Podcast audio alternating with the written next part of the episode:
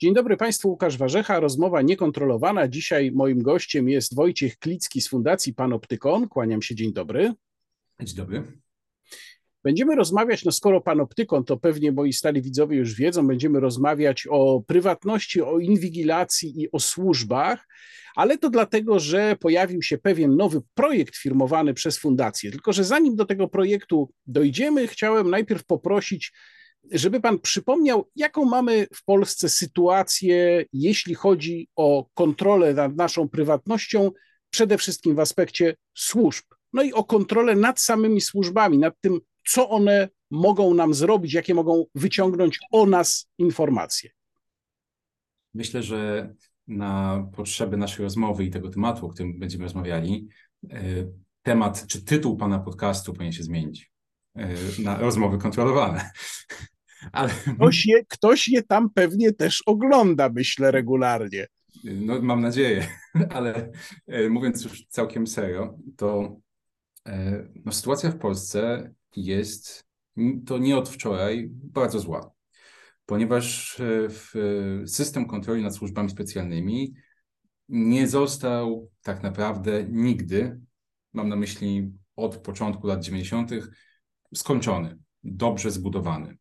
E, mieliśmy na początku i mamy do dzisiaj Komisję do Spraw Służb Specjalnych w Sejmie. Mamy pewien element kontroli sądowej nad służbami, natomiast lwia większość ich działań jest to, są to działania, które służby podejmują z własnej inicjatywy, bez chwalenia się tym, bez e, uzyskiwania zgody nikogo z zewnątrz. I teraz, jeżeli Pan pozwoli, to jakby na te różne elementy spojrzę trochę bliżej.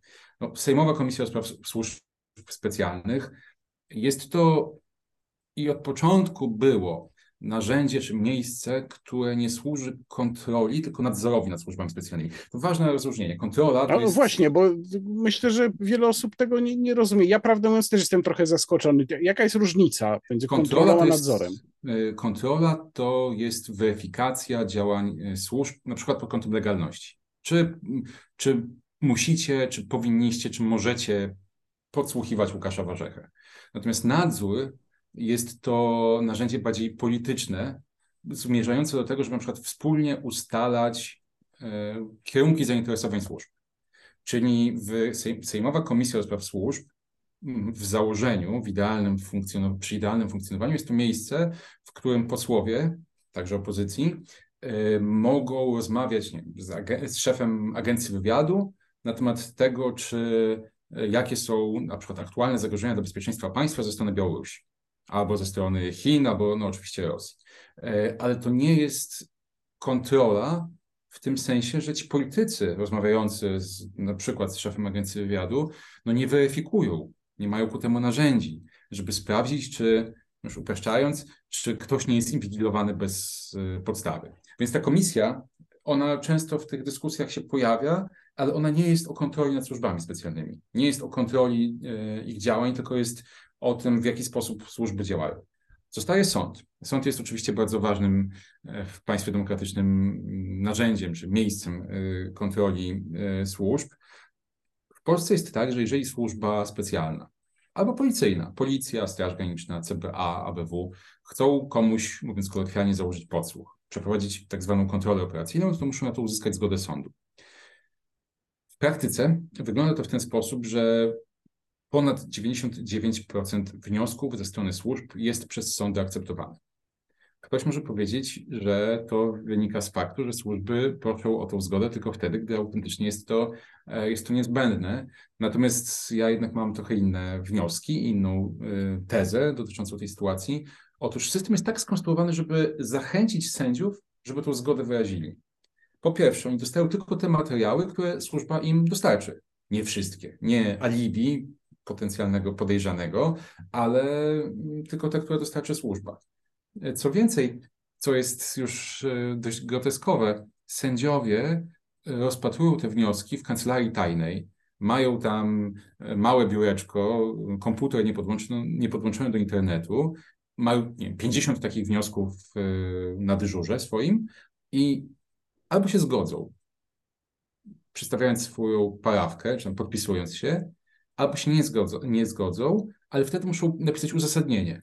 Przepraszam, I... od razu mówię, że bardzo to przypomina e, kwestię aresztu tymczasowego. Identycznie. Dokładnie o tym samym mechanizm, mechanizmie mówili przedstawiciele Fundacji Courtwatch Polska w mojej rozmowie niekontrolowanej jakiś czas temu. Ja sam zresztą o tym pisałem tam występuje identyczny mechanizm. To znaczy, łatwiej jest się zgodzić na zastosowanie aresztu tymczasowego, niż się nie zgodzić. To drugie wymaga po prostu od sędziego znacznie większego wysiłku w uzasadnienie braku zgody. Tak, a co więcej, jeżeli sędzia się nie zgodzi, to musi to uzasadnić i służba może się zażalić do sądu drugiej e, wyższej instancji, e, bo to postępowanie w sprawie wniosku o wyrażenie zgody na podsłuch jest takie asymetryczne. Nie ma pełnomocnika osoby, która ma być podsłuchiwana. E, jest tylko e, przedstawiciel służby, który no, argumentuje w swoją stronę. E, więc to postępowanie jest takie asymetryczne. No Ono jest, przepraszam, asymetryczne jakby no, z istoty rzeczy, bo trudno mieć pełnomocnika kogoś, kto ma być podsłuchiwany, bo z natury rzeczy ta czynność jest przecież niejawna, prawda? Nie całkiem. Na przykład Wielkie Pytanie, znaczy, rozumiem ten tok myślenia, który Pan przedstawił, ale na przykład Wielkie Pytanie jest taka funkcja adwokata prywatności.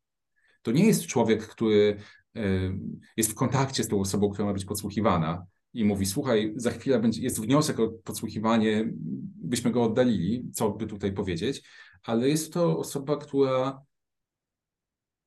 zawodowo szuka dziury w całym, mówiąc tak obrazowo. To znaczy, ona jest w tym sądzie y, i ma jakby czytać w taki krytyczny sposób to, y, te uzasadnienia, te materiały, po to, żeby jakkolwiek y, sądowi ułatwić no, poznanie argumentacji dwóch stron. Y, I, i, ich praw. Ale to jest na, Czyli to jest taki jakby adwokat z urzędu, tylko bez kontaktu z tym, kogo broni. Tak, bo to jest adwokat nie Kowalskiego, tylko adwokat prywatności. To nawet tak się na, na, nazywa. Yy, takiej prywatności jako sensu, w sensie takim abstrakcyjnym. Ale skupiamy się tutaj na sądzie, Dlatego, że Przepraszam, jeszcze jedna rzecz, bo tutaj mówimy o sytuacji, kiedy służba chce przeprowadzić tak zwaną kontrolę operacyjną, czyli rzeczywiście ten, dosłownie mówiąc, podsłuch. A co jeszcze z drugą grupą, ogromną, czyli z billingami, tam gdzie nie ma mowy o podsłuchiwaniu treści, ale jest mowa o rejestrze połączeń, rejestrze wiadomości. Jak tutaj wygląda kontrola sądowa? Zanim y, odpowiem na to pytanie, to powiem, że to rzeczywiście jest druga grupa, ale to nie wypełnia nam całości. Bo chcę jeszcze, jak opowiem o tym, to żebyśmy jeszcze mieli pełen obraz, to jeszcze powiem o trzecim elemencie. Natomiast tym drugim elementem rzeczywiście jest dostęp do billingów, tak jak pan redaktor powiedział, e, czy na przykład naszej lokalizacji. Bo żeby słuchacze mieli jasność, to jest tak, że nasi operatorzy telekomunikacyjni mają obowiązek prawny przechowywać informacje na temat tego, gdzie byliśmy w ciągu ostatnich 12 miesięcy, tylko i wyłącznie po to przechowywać te informacje, żeby udostępniać je służbom. I jeśli funkcjonariusz jednej z bodaj 10 w tej chwili służb e, ma powód żeby takie informacje ściągnąć, na przykład to, gdzie ja byłem 11 miesięcy temu, to za pośrednictwem tak zwanego stałego łącza, bezpiecznego dostępu do tej bazy, po prostu tą informację ściąga. E, kontrola nad tym wygląda w ten sposób, że służby ABW, CBA, komendy wojewódzkie policji raz na 6 miesięcy przedkładają sądom sprawozdanie, które ma formę tabelki, w której można wyczytać postępowanie o sygnaturze, tu następuje jakaś sygnatura w sprawie mm, oszustwa, y, przepis z kodeksu karnego, pobrano 50 billingów. I to jest tabelka w Excelu licząca kilka, kilkanaście, kilkadziesiąt arkuszy. I sąd ma na tą tabelkę popatrzeć i stwierdzić, czy wszystko było w porządku. No ale przecież to jest kompletna fikcja. Tak. To jest absolutnie fikcja. To się nazywa w przepisach kontrolą nad dostępem do tych danych, ale no, nikt nie ma y, złudzeń, że ta kontrola faktycznie się odbywa. Czy sędzia może w takiej sytuacji w ogóle znaleźć, ja nie mówię o tym, czy on to może, czy on może pójść dalej, ale czy może znaleźć w ogóle w tych danych jakiś punkt zaczepienia do tego, żeby którąkolwiek z tych procedur zakwestionować? Ma, ma w ogóle jakiś, jakąś taką możliwość? Tak, na przykład ja znam jeden taki przykład, w którym jedna z komend wojewódzkich policji pozyskiwała dane w sprawach, tam była ta klasyfikacja, kwalifikacja prawna.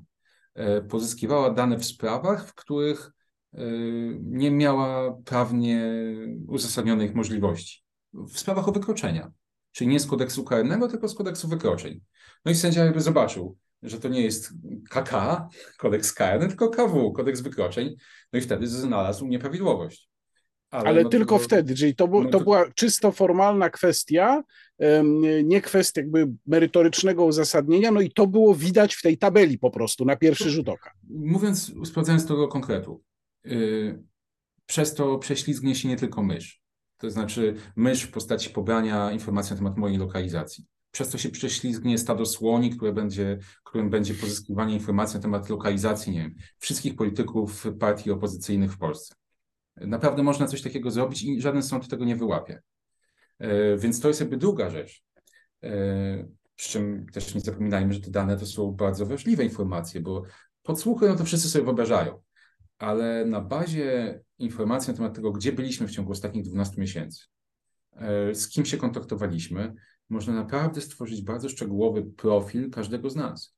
No bo czy dzwoniłem do adwokata specjalizującego się w sprawach rozwodowych, czy ktoś odwiedzał nocne kluby, albo z kim rozmawiał, no to są naprawdę szczegółowe informacje. Nawet były takie eksperymenty przeprowadzane przez MIT już kilka lat temu, dotyczące tego, że na bazie tych informacji można z tam bodaj 90 kilku procentowym dozą prawdopodobieństwa nie tylko stworzyć ten profil, ale też przewidzieć, co konkretna osoba będzie robiła następnego dnia. A tutaj no jeszcze wchodzi w grę pewnie zastosowanie sztucznej inteligencji, coraz szersze.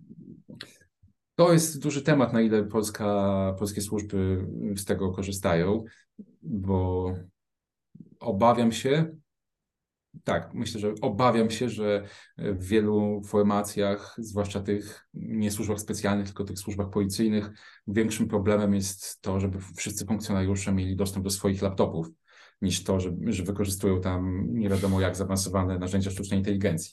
E, natomiast e, sygnalizowałem, że, że to jest druga grupa, ale nie cała. Tak. Że to nie Jeszcze jest... trzecia. Trzecia grupa to jest wszystko to, czym nie, co nie mieści się w pierwszej i w drugiej. Bo policja, służby specjalne mogą prowadzić coś, co się nazywa czynnościami operacyjno-rozpoznawczymi i nie ma katalogu tych informacji, e, tych metod działania. Y, są nazwane podsłuchy, są nazwane, jest nazwany dostęp do danych y, telekomunikacyjnych, tych billingów. I tam jeszcze jedna rzecz, ale większość działań policji i służb nie jest nazwana.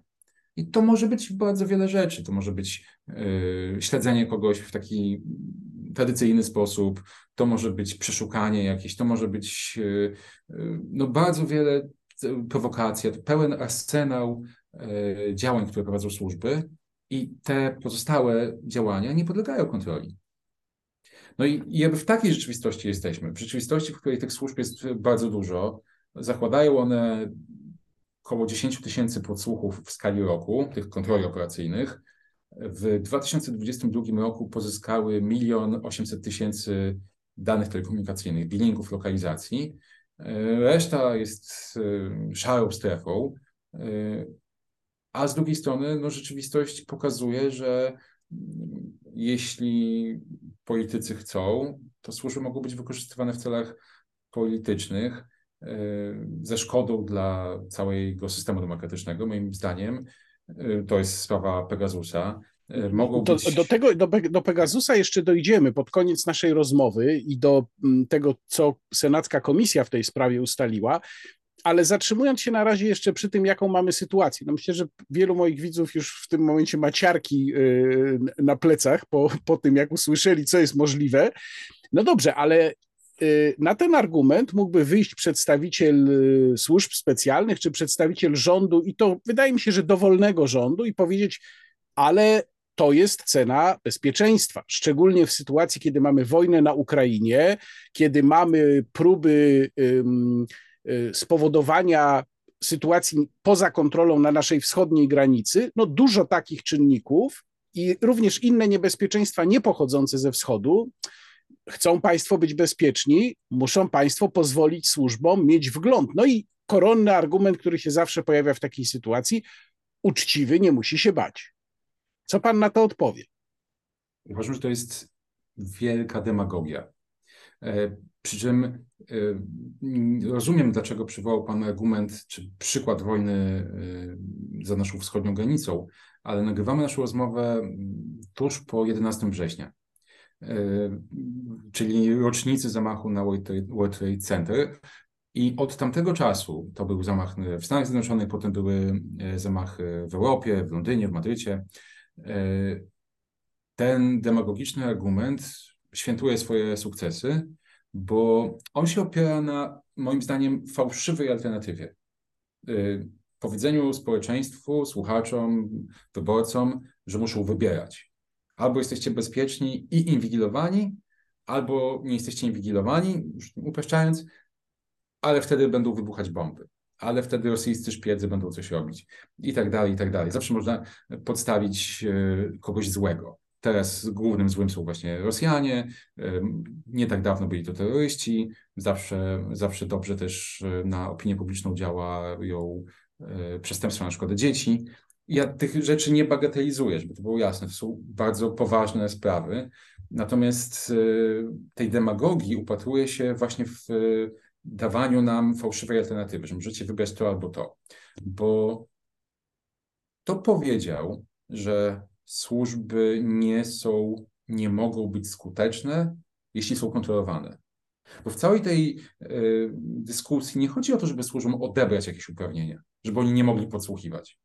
No, to rzeczywiście byłoby krótkowzroczne.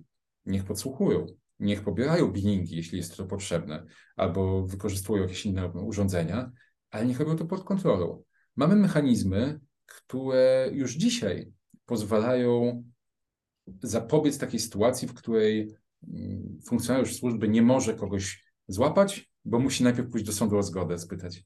Jeżeli, dzisiaj w przepisach jest taki mechanizm, w którym, jeśli chodzi o tą zgodę sądu na podsłuch, to w sytuacjach niecierpiących zwłoki, jeśli no, funkcjonariusze dzisiaj się dowiadują, że za chwilę ma być popełnione jakieś przestępstwo, to nie muszą jechać do sądu y, z prośbą, z wnioskiem o zgodę na podsłuch. Mogą go mówiąc kolokwialnie, założyć i w ciągu kilku dni uzyskać tą następczą zgodę. I tego typu mechanizmy pozwalają wyważyć te rzeczy. Z jednej strony ograniczyć ryzyko nadużyć, a z drugiej strony e, jakby zapewnić skuteczne działanie służb. No i na koniec ten argument związany z tym, że uczciwy nie ma się czego obawiać. Ja lubię odpowiedzieć na to pytanie, bo no, rzeczywiście bardzo często się pojawia, ale każdy z nas ma coś do ochrony nie do ukrycia, ale do ochrony. Ja mam do ochrony prywatność mojej rodziny. Nie chcę, żeby osoby trzecie y, wiedziały, o czym rozmawiam z moją żoną. Nie chcę, żeby ktoś podglądał y, to, co ja robię w domu razem z żoną, z dziećmi. To jest moja sprawa. I y, takie przerzucanie tego obowiązku tłumaczenia się na nas jako obywateli, że teraz ja muszę wytłumaczyć, dlaczego ja chcę tą swoją prywatność chronić, jest nie w porządku ona mi się po prostu należy. Y, przygotowali Państwo założenia do ustawy o kontroli nad służbami i dlatego właśnie dzisiaj rozmawiamy. Czy może Pan krótko powiedzieć, co ma być w tej, co miałoby być w tej ustawie? Oczywiście podkreślam, to są założenia do ustawy, no tak jak się to przygotowuje też normalnie w trybie legislacji, czyli nie jest to gotowa ustawa, tylko punkty, które ona ma regulować. Społeczne założenia ustawy o kontroli nad służbami opierają się na dwóch filarach. Jednym z nich jest postulat czy oczekiwanie powołania e, niezależnej instytucji, która miałaby kontrolować służby. Drugim jest e, informowanie osób, które były przedmiotem zainteresowania służb o tym, że właśnie tak było. E, I te społeczne założenia to jest materiał, który przygotowaliśmy w Fundacji Panoptykon, ale mm, popiera, popierają te społeczne założenia inne instytucje, na przykład Krajowa Izba Radców Prawnych czy Fundacja Helsińska. E, I teraz te postulaty, te filary. Jeżeli chodzi o informowanie, to my wychodzimy z takiego założenia, że w każdym obszarze, nawet w obszarze służb bezpieczeństwa, e, musimy zadbać o to, żeby pomiędzy obywatelami a państwem była pewna symetria. Czyli jeżeli służby się mną interesują, jeżeli zbierają informacje na temat mojego życia, e, podsłuchują moje rozmowy, to ja się powinienem o tym prędzej czy później dowiedzieć. Nie może być tak, że oni o mnie wiedzą wszystko, a ja o nich nic. Oczywiście nie chodzi o to, żeby, mm, tak jak mówiłem o tym e, tytule pana podcastu, żeby w trakcie czy przed założeniem podsłuchu ktoś mnie informował, rozmowa kontrolowana, rozmowa kontrolowana, tylko żeby taka informacja docierała, czy była mi przekazywana 12 miesięcy po zakończeniu e, działań. 12 miesięcy nie jest naszą autorską inicjatywą czy autorskim pomysłem, to jest rozwiązanie, które funkcjonuje na przykład w Niemczech. Czyli można, można tak skonstruować e, system bezpieczeństwa, żeby to informowanie było możliwe. Oczywiście my też zakładamy wyjątki. Na przykład, jeżeli by chodziło o wracając do tego, o czym mówiłem przed chwilą, o szpiega rosyjskiego, czy osobę podejrzewaną o szpiegostwo, to można byłoby ten obowiązek informowania. No właśnie, właśnie miałem o to zapytać, dlatego że można sobie wyobrazić sytuację, że ktoś w danym momencie był inwigilowany, potem przestaje być, ale pozostaje w kręgu zainteresowania służb ze względu na charakter podejrzeń, na przykład, którymi jest objęty. No i wtedy informowanie go o tym, że 12 miesięcy temu był inwigilowany, mogłoby spowodować, że no ten ktoś by się lepiej maskował w przyszłości, ale rozumiem, że to Państwo też przewidują taką sytuację. Tak, przewidzieliśmy dwa mm, typy wyjątków. Jednym wyjątkiem jest zagrożenie dla bezpieczeństwa, zdrowia bądź życia osób trzecich, bo tutaj można sobie wyobrazić scenariusz, w którym, trochę rozbudowując to, o czym Pan powiedział przed chwilą, że jest grupa przestępcza, zorganizowana grupa przestępcza, w której działa funkcjonariusz pod przykryciem. I ujawnienie informacji na temat y, tego, że ktoś z tej grupy był podsłuchiwany, mogłoby wskazać na tożsamość tej osoby i w ten sposób zagrozić mu jego życiu bądź zdrowiu. No to jakby no nie chcemy takich sytuacji. Tak samo, jeżeli jest to związane przykład z bezpieczeństwem państwa, czyli te sprawy szpiegowskie, szpiegowskie czy kontrwywiadowcze, e, kluczowe jest to, żeby w każdej sytuacji, w której wyjątek ewentualnie wchodziłby w grę, decyzję o tym podejmowałby sąd. Że to nie jest tak, że szef służby niby będzie miał ten obowiązek, ale w praktyce uzna wszystkie, za, wszystkie sytuacje za wyjątkowe i tego obowiązku nie zrealizuje. E, myślę o tym, że ten, ten w ogóle ten obowiązek informacyjny ma o tyle duże znaczenie, że ma pewnego rodzaju efekt, wywołać efekt taki mrożący czy chłodzący, aby funkcjonariusze, którzy dzisiaj zakładają kontrolę operacyjną czy inne formy e, inwigilacji, zdawali sobie sprawę z tego, że informacja na temat ich działań prędzej czy później dotrze do zainteresowanej osoby. I to powinno wywołać e, taki efekt, że nie będzie tak dużo tych kontroli, że będzie mniej, że będą prowadzone tylko w tych sytuacjach, w których jest to absolutnie konieczne i nie byłoby wątpliwości co do tego, że na przykład to było bezpodstawne, nielegalne. No i drugi z tych filarów to jest powołanie niezależnej instytucji, która by kontrolowała służbę. Dzisiaj mamy taką sytuację, w której no, mówiłem o tych sądach, mówiłem o Sejmowej Komisji do Spraw Służb Specjalnych, natomiast nie ma nikogo, żadnej instytucji, żadnej organizacji, która mogłaby sprawdzić, co praktyce służby robią w konkretnej sprawie. Czyli są przepisy na przykład, które nakazują niszczenie mate uzyskanych materiałów, kiedy one już będą zbędne. Ale czy służby faktycznie te materiały kasują? Nikt tego nie sprawdza. To jest tylko wewnątrz służby. Tak samo no i tutaj, jak... przepraszam, pojawia się od razu takie zastrzeżenie. Zawsze, kiedy jest mowa, kiedy powstaje jakiś projekt, który mówi o powołaniu jakiegoś niezależnego, czy, czy ponadpartyjnego, czy apolitycznego ciała, bo tu też warto podkreślić, że apolityczne niekoniecznie znaczy to samo, co ponadpartyjne. Może być ponadpartyjne, niekoniecznie apolityczne. Ale zawsze wtedy jest podstawowe pytanie, jak takie ciało wyłonić? No i pojawia się od razu takie podejrzenie, że sposób wyłaniania takiego organu będzie w taki sposób, będzie tak skonstruowany, że na przykład przemożną rolę będzie odgrywała aktualnie rządząca większość. Jeżeli w pracach nad taką ustawą, czy, czy nad jej projektem uczestniczyliby przedstawiciele obecnej opozycji, to można z kolei się obawiać, że oni to sobie tak zrobią, żeby to oni później, jeżeli przejmą władzę, mieli tutaj y, najwięcej do powiedzenia. No i wtedy już mamy problem. Taka komisja już nie będzie ponadpartyjna. To prawda. Wyzwanie w postaci zapewnienia niezależności tej instytucji, bo to myślę, że tak naprawdę o to chodzi, no było jednym z ważniejszych wyzwań. I tu jest w polskim systemie prawnym istnieje kilka rozwiązań, które odpowiadają na ten problem. I my jakby uznaliśmy, że wykorzystamy wszystkie z nich. To znaczy, po pierwsze, ograniczyliśmy krąg podmiotów, które mogą zgłaszać chętnych. potencjalnych kandydatów. Ograniczyliśmy go do prezesa Sądu Najwyższego, prezesa Naczelnego Sądu Administracyjnego, Trybunału Konstytucyjnego. Prezydent miałby możliwość zgłaszać kandydata no, do kil, kilku takich instytucji tego typu. Po drugie, Sejm wybierałby taką osobę za zgodą Senatu. E, więc e, tutaj by byłaby. No, historie związane z wyborem Rzecznika Praw Obywatelskich w tej kadencji parlamentu pokazały, że przy pewnym układzie politycznym może to mieć znaczenie, bo trzeba będzie wybierać, trzeba wybierać kogoś, kto jest w stanie uzyskać akceptację ze strony obu izb. I... A wiem, że to jest, przepraszam, szczegół, ale jestem ciekaw, czy Państwo mm, chcieliby, żeby ten wybór na poziomie Sejmu odbywał się zwykłą większością, czy jednak kwalifikowaną, wyższą niż zwykła? O tutaj zostaliśmy przy zwykłej większości, bo z drugiej strony nie może, baliśmy się sytuacji, w której nikt nie zostanie wybrany, zwłaszcza na początku. Bo, a jeszcze, kolejny, jeszcze jedną rzecz, którą przewidzieliśmy, e, to jest to, że to są osoby wybierane na sześcioletnią kadencję, z czego w pierwszym, e, przy pierwszym razie część z nich, bo to sześciosobowy organ, trzy osoby były wybrane na sześć lat, a trzy osoby na trzy lata, po to, żeby no tak na zakładkę te osoby były wybierane. Czyli kadencje by się miały nie pokrywać z kadencjami parlamentu. Tak. Taki jest, rozumiem, tak. cel. Tak. Ja oczywiście zdaję sobie sprawę z tego, że każdą instytucję, naprawdę każdą można e, obsadzić osobami, które nie dają gwarancji niezależności. E, to jest e, kwestia nagiej siły politycznej.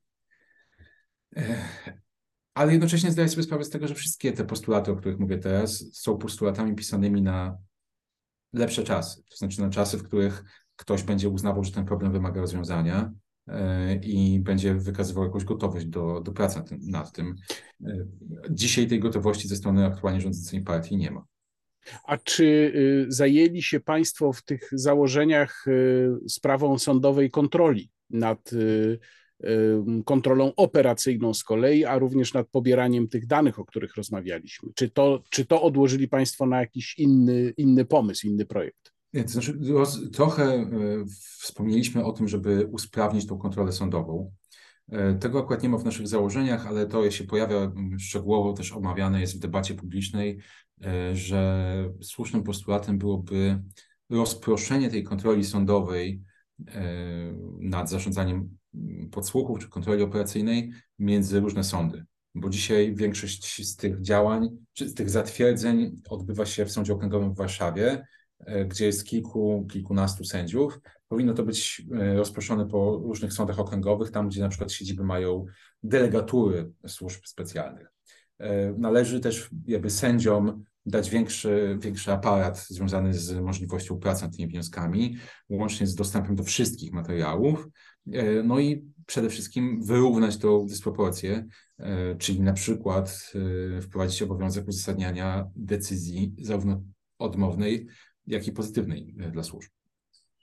Y, to teraz pomówmy trochę o rezultacie pracy Senackiej Komisji. Ja tutaj zgłoszę od razu swoje, mm, czy zastrzeżenie, czy wątpliwość, bo Pan mówi, że w tej chwili ze strony rządzących nie ma takiej woli. Z tym się zgadzam. Rzeczywiście ja też tak to widzę, takiej woli, żeby poprawić coś w tym systemie. Ja też tak to widzę. Natomiast no, cały czas się zastanawiam, czy to nie jest tak, że trochę tak jak właśnie z Komisją do Spraw Pegasusa, która przecież została powołana i obsadzona z oczywistych powodów zresztą przez opozycję, że opozycja w tej chwili deklaruje to, co jest jej wygodnie, czyli że tak, trzeba tutaj zmienić system, nie można Pegasusa używać w taki sposób, to jest skandal i tak dalej, i tak dalej, wszystko to, co znamy. No ale w momencie, jak, jak władza się ewentualnie zmieni, to oni po prostu wezmą te narzędzia, które przygotowali obecnie rządzący, i uznają, że to są bardzo wygodne narzędzia. Być może zostaną wykonane jakieś tam pozorowane mm, ruchy i tyle. E, więc ja zawsze mam wątpliwości w sytuacji, kiedy jakaś e, aktywność tego typu, tak właśnie jak aktywność komisji, której pan się przyglądał przecież bardzo uważnie, nawet zdaje się, że był pan nawet przed tą komisją, pan, pan występował.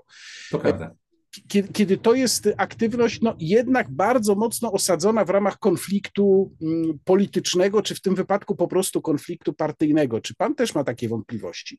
Oczywiście. Jestem, już za długo się zajmuję tym tematem, żeby być na tyle naiwnym, żeby nie zauważyć tego, że punkt widzenia zależy od punktu siedzenia. Bo tak naprawdę do tego sprowadza się Pana, pana obawa, którą ja podzielam. E, natomiast staram się szukać też pozytywów, czy jakby mm, źródł, pokażę skąd jakby czerpię mm, nadzieję na to, że przy oczywiście zmianie władzy to mogłoby się zmienić. E, przede wszystkim z dwóch względów. Pierwszym z nich jest to, że co by nie mówić, to problemy związane z inwigilacją, no, z tym Pegasusem jakby w roli głównej, e, były bezprecedensowe w ostatnich miesiącach, czy w ostatnich latach. Tak? E, to znaczy nigdy nie, było, nie było tak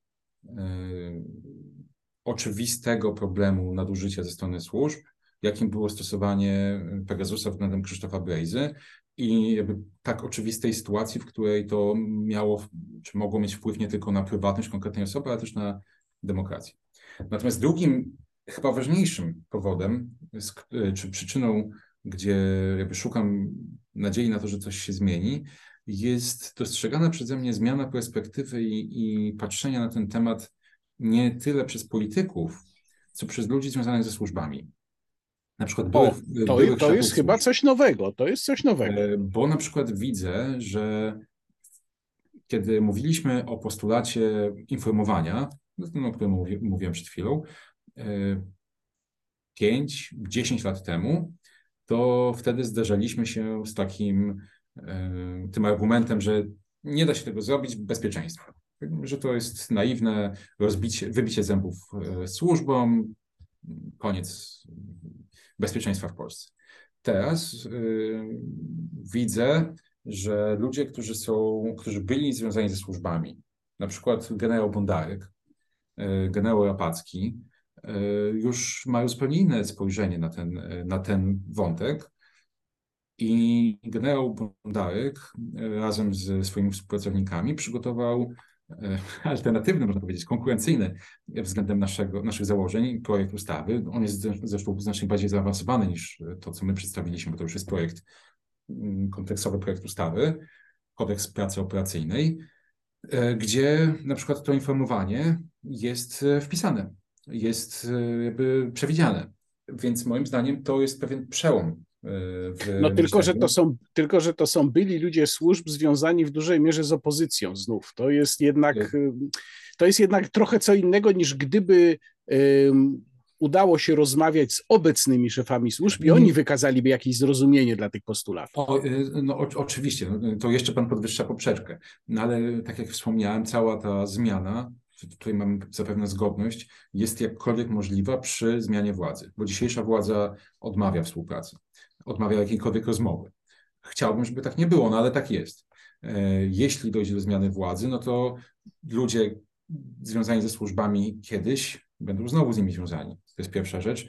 A druga rzecz, ja mam takie wrażenie, że czy ktoś jest związany ze służbami, czy był związany ze służbami kiedyś, dzisiaj, to pewien sposób myślenia jest ten sam. Sposób myślenia związany z no, tą tajnością, tajnością jako, jako taką przewodnią doktryną e, działań służb. I jeżeli e, wśród jednych tych byłych funkcjonariuszy da się, ten, da się to przełamać, no to, da się, to, to jest najlepszy dowód, że, e, że to może zadziałać. Chciałem zapytać jeszcze o to, jak są odbierane Państwa postulaty nie tylko w opozycji, ale być może w tych kręgach no, władzy takiej szeroko pojętej, bo mówi pan, że nie ma żadnej gotowości do współpracy. Ja pamiętam i przypominam zresztą o tym często, ten moment, kiedy z konieczności, ze względu na wyrok Trybunału Konstytucyjnego, nowelizowana była ustawa o policji. E, to miało postać, czy było nazywane ustawą inwigilacyjną. Tak naprawdę no, chodziło tam o to, żeby wprowadzić tę niby kontrolę i właśnie tę fikcyjną całkowicie kontrolę e, w mechanizmie, o którym pan mówił wcześniej, wprowadzono e, i to był e, bodajże początek 2000, nie, koniec 2015 roku. Styczeń, e, tak? Została, tak, styczeń 2016. Styczeń 2016, tak. I pamiętam dobrze, jak wtedy pan prezydent mówił, no my to musimy zrobić, bo mamy wyrok Trybunału Konstytucyjnego, ale ja rozumiem zastrzeżenia również środowisk pozarządowych i obiecuję, że ja przygotuję swoją nowelizację tej ustawy, która będzie już uwzględniała państwa stanowisko. No, jakoś tego projektu nigdy nie zobaczyliśmy, ale pytanie jest takie, czy państwo, jako organizacja, jako środowisko, próbowali w ogóle uderzać do, do kręgów władzy, również do pana prezydenta. Czy to, czy to jest tak, że po prostu założyliście, że w ogóle nie ma co się bić, czy, czy, czy jednak coś próbowaliście tutaj zrobić, nawiązać jakiś kontakt? Obietnica, o której Pan wspomniał, jest obietnicą, którą, której sam byłem osobiście adresatem w siedzibie w Pałacu Prezydenckim. E, no i to jest obietnica, którą Pan Prezydent Duda złamał. E, no po siedmiu latach już można zdecydowanie tak, e, tak powiedzieć. My w swoich działaniach kierujemy się tym, aby rozwiązywać problemy, które są dla nas ważne i które chcemy rozwiązywać. Więc y, to nie jest tak, że na przykład odmówilibyśmy współpracy z dzisiejszą y, partią rządzącą. Natomiast mimo kilku prób, rozmaitych y, kierunków, ten dialog nie jest możliwy. W tym sensie, że przypominam sobie i Państwu, jak kiedy wypłynęły pierwsze informacje na temat Pegasusa, jak one były kwitowane. Pegasus to konsulat do gier u nas wszystko jest w porządku. E, I ja mam wrażenie, że to dzisiaj tak jest, że na wszelkie e, argumenty związane z tym, że jednak powinniśmy coś zrobić, że jest problem, jest takie trochę wzruszenie ramionami, trochę, trochę obrócenie tego w żart, a chyba najczęściej rzucanie z naszej perspektywy grochem o ścianę i, e, i obijanie się o ścianę milczenia. Jeszcze jedno pytanie o komisję, którą chcieliby Państwo powołać e, na podstawie tej e, ewentualnej ustawy. Co ona właściwie mogłaby zrobić? Jak daleko by miały sięgać jej kompetencje? Myślę, że żeby to najlepiej opisać, trzeba byłoby to obrazowo porównać do Najwyższej Izby Kontroli. Znaczy, to nie jest tak, że e, w wyniku swoich działań mm, komisja miałaby kogoś uznać za winnego naruszenia prawa, mogłaby w wyniku przeprowadzenia przez siebie kontroli złożyć zawiadomienie o podejrzeniu popełnienia przestępstwa do prokuratury. To jest chyba taki najbardziej konkretny efekt. No i drugą rzeczą, którą e, komisja miałaby robić, to jest chyba znowu dla mnie ważne, to jest rozpatrywanie skarg. No bo w tym, w tym, w tym postulacie notyfikacji, informowania ludzi, że byli inwigilowani, nie chodzi wyłącznie o to, żeby dać im informację, z którą oni nie będą mogli nic zrobić. No bo to y, takie zrobienie pół kroku. Y, chodzi także o to, żeby oni mogli składać skargi. Skargi do tego powoływanego organu. I jeżeli organ w wyniku rozpatrzenia skargi stwierdziłby, że doszło do nieprawidłowości, z takim jakby to prawnicy powiedzieli, prejudykatem, czy takim rozstrzygnięciem, można byłoby się po prostu ubiegać o odszkodowanie bądź zadośćuczynienie. Konieczność tych zmian, tych, które my postulujemy, ale też które jakby postulują e, na przykład ludzie związani ze służbami, tak jak ten kodeks pracy operacyjnej, ona jest coraz większa jeszcze z jednego powodu. Mamy e, kwestię orzecznictwa zagranicznego. Bo z jednej strony mamy Trybunał Sprawiedliwości Unii Europejskiej, który bardzo precyzyjnie formułuje E, wymogi związane z dostępem służb do tych billingów i za jakiś czas sądzę, że zapadnie rozstrzygnięcie dotyczące Polski, bo oni jakby konsekwentnie pokazują, że takie sytuacje jak w Polsce są po prostu nielegalne i to wymusi zmianę. Drugą rzeczą, która powinna wymusić zmianę, e, jest spodziewany niebawem wyrok Europejskiego Trybunału Praw Człowieka w Strasburgu ze skargi między innymi dziekana Okręgowej Rady Adwokackiej Mikołaja Pietrzaka i, i mojej, e, dotyczącej właśnie całego tego systemu, gdzie Trybunał spojrzy na całość z perspektywy no, Konwencji o ochronie praw człowieka, do której przestrzegania się jako Polska e, zobowiązaliśmy. Więc ten aspekt e, zagraniczny, powiedzmy, orzeczeń trybunałów jest kolejnym argumentem za tym, że te zmiany są potrzebne. A czy wiemy, kiedy to orzeczenie przed ETPC może zapaść? No to nie, myślę, że w ciągu najbliższych kilku miesięcy. No, w, takim razie, w takim razie czekamy, a ja zachęcam do obserwowania mediów społecznościowych i strony Fundacji Panoptykon. Oczywiście link do założeń projektu, do tej informacji zamieszczam w opisie tego filmu. A panu e, bardzo dziękuję za spotkanie. Moim gościem w rozmowie niekontrolowanej, podkreślam, niekontrolowanej, był pan Wojciech Klicki z Fundacji Panoptykon. Dziękuję bardzo. Dziękuję. Łukasz Warzecha, kłaniam się Państwu. Do zobaczenia.